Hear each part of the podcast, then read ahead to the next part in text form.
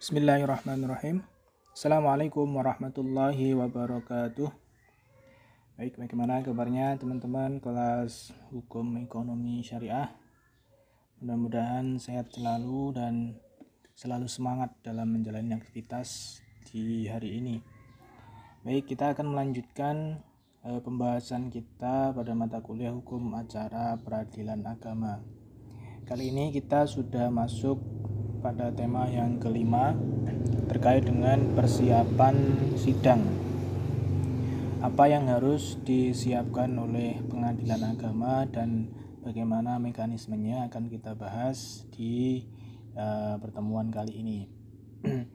Ada dua yang ingin kita bahas. Pertama terkait dengan penunjukan majelis hakim dan penetapan hari sidang, lalu dilanjutkan dengan pemanggilan para pihak. Nah, eh, siapa yang menunjuk majelis hakim, lalu siapa juga yang menetapkan hari sidang dan sebagainya akan kita bahas nanti. Setelah itu ada pemanggilan para pihak. Nah, setelah perkara itu didaftarkan ke pengadilan agama, maka eh, pengadilan agama akan memproses ya perkara itu sesuai dengan SOP-nya yang sudah berlaku di PA. Nah, penggugat atau pemohon ini menunggu surat pemanggilan dari PA yang nanti akan diserahkan langsung oleh jurusita pengganti. Terkait dengan penunjukan majelis hakim atau PMH, siapa yang menunjuk majelis hakim? Yang menunjuk adalah Ketua Pengadilan Agama atau KPA. Ini yang akan melakukan penunjukan majelis hakim. Nah, majelis hakimnya ini ya satu hakim ketua dan juga dua hakim anggota itu minimal. Nah tapi dalam uh, beberapa perkara yang ringan biasanya hanya satu satu hakim ya. Tapi uh, yang standar itu adalah satu hakim ketua dan dua hakim anggota atau, atau ada tiga hakim. Dan juga nanti kalau dalam persidangan ada panitera. Nah kapan uh, penunjukan majelis hakim itu? PMH itu paling lambat 10 hari kerja sejak perkara didaftarkan. Jadi paling lambat itu. Jadi sebelum 10 hari kerja uh, setelah perkara didaftarkan harus sudah menunjuk majelis hakim. nah, setelah uh, penunjukan majelis hakim selesai, maka nanti juga panitera akan menunjuk panitera pengganti atau PP dan juga jurusita pengganti atau JSP. Nah, setelah PMH dan juga PP dan jurusita ini uh, ditetapkan ya ditunjuk maka kemudian berkas-berkas itu akan diserahkan kepada ketua majelis yang sudah dibentuk itu. Nah setelah uh, apa namanya PMH ini kan tadi sudah terbentuk ya uh, majelis hakimnya. Nah ketuanya inilah nanti yang akan menentukan ya kapan hari sidang akan dilaksanakan. Jadi penetapan hari sidang itu dilakukan oleh ketua majelis hakim yang sudah ditunjuk oleh ketua pengadilan agama. Nah, kapan hari sidang itu harus eh, apa namanya dilaksanakan? Jadi eh, paling lambat itu 30 hari kerja setelah penunjukan majelis hakim itu ya. Tapi eh, penentuan atau penentuan uh, penetapan hari sidang itu harus paling lambat tujuh hari kerja setelah penunjukan majelis hakim. Jadi kan ada penetapan hari sidang uh, kapan sidangnya. Nah, penetapannya itu paling lambat harus uh, tujuh hari tujuh hari kerja setelah penunjukan majelis hakim. Tapi persidangannya itu paling lambat 30 hari kerja Nah, ini yang uh, terkait dengan penunjukan majelis hakim dan penetapan hari sidang. Jadi setelah kemudian berkas-berkas uh, penunjukan majelis hakim dan juga penetapan hari sidang ini lengkap, selanjutnya akan dilaksanakan pemanggilan para pihak oleh jurusita pengganti. Bagaimana mekanismenya?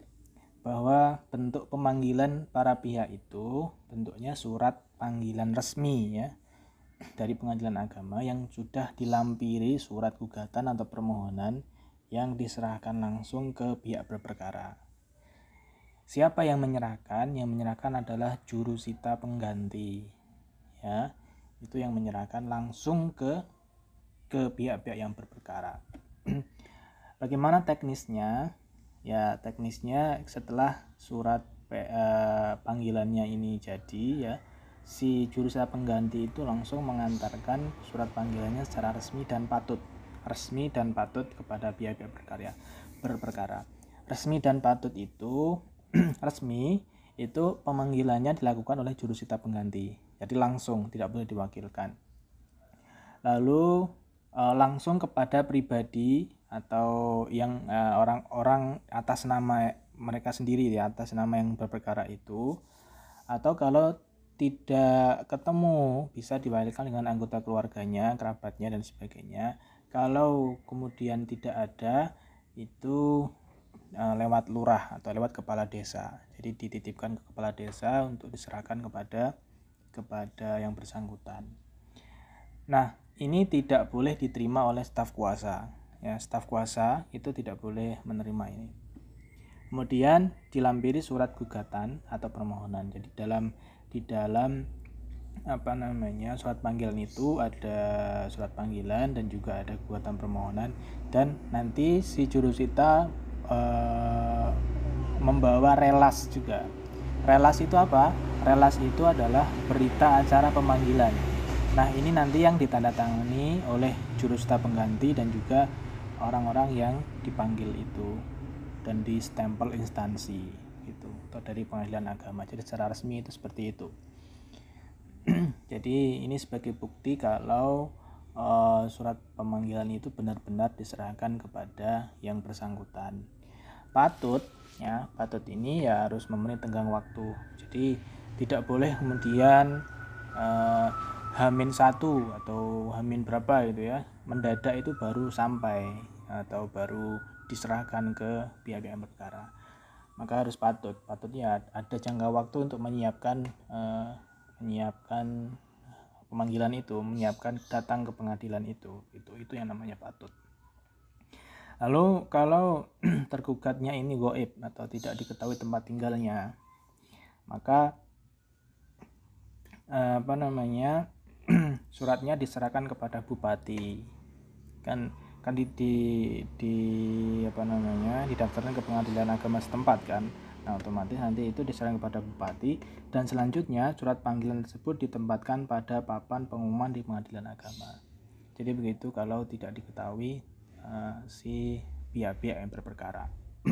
Nah biasanya selain dilakukan pemanggilan berupa surat itu dilakukan juga pemanggilan melalui media massa bisa melalui koran-koran lokal setempat atau lewat radio setempat. Gitu. Makanya biasanya kalau yang sering mendengarkan radio ada pengumuman-pengumuman hari sidang gitu. Nah itu salah satu e, cara pengadilan agama untuk memanggil para pihak berperkara kalau e, apa namanya tidak diketahui e, alamatnya dan sebagainya. Begitu.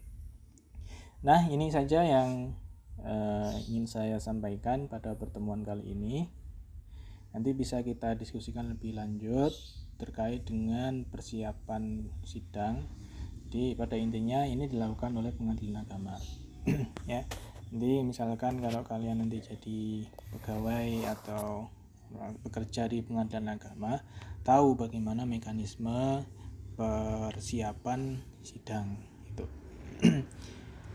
atau mungkin nanti ketika praktikum di pengadilan agama akan familiar dengan uh, persidangan ini begitu.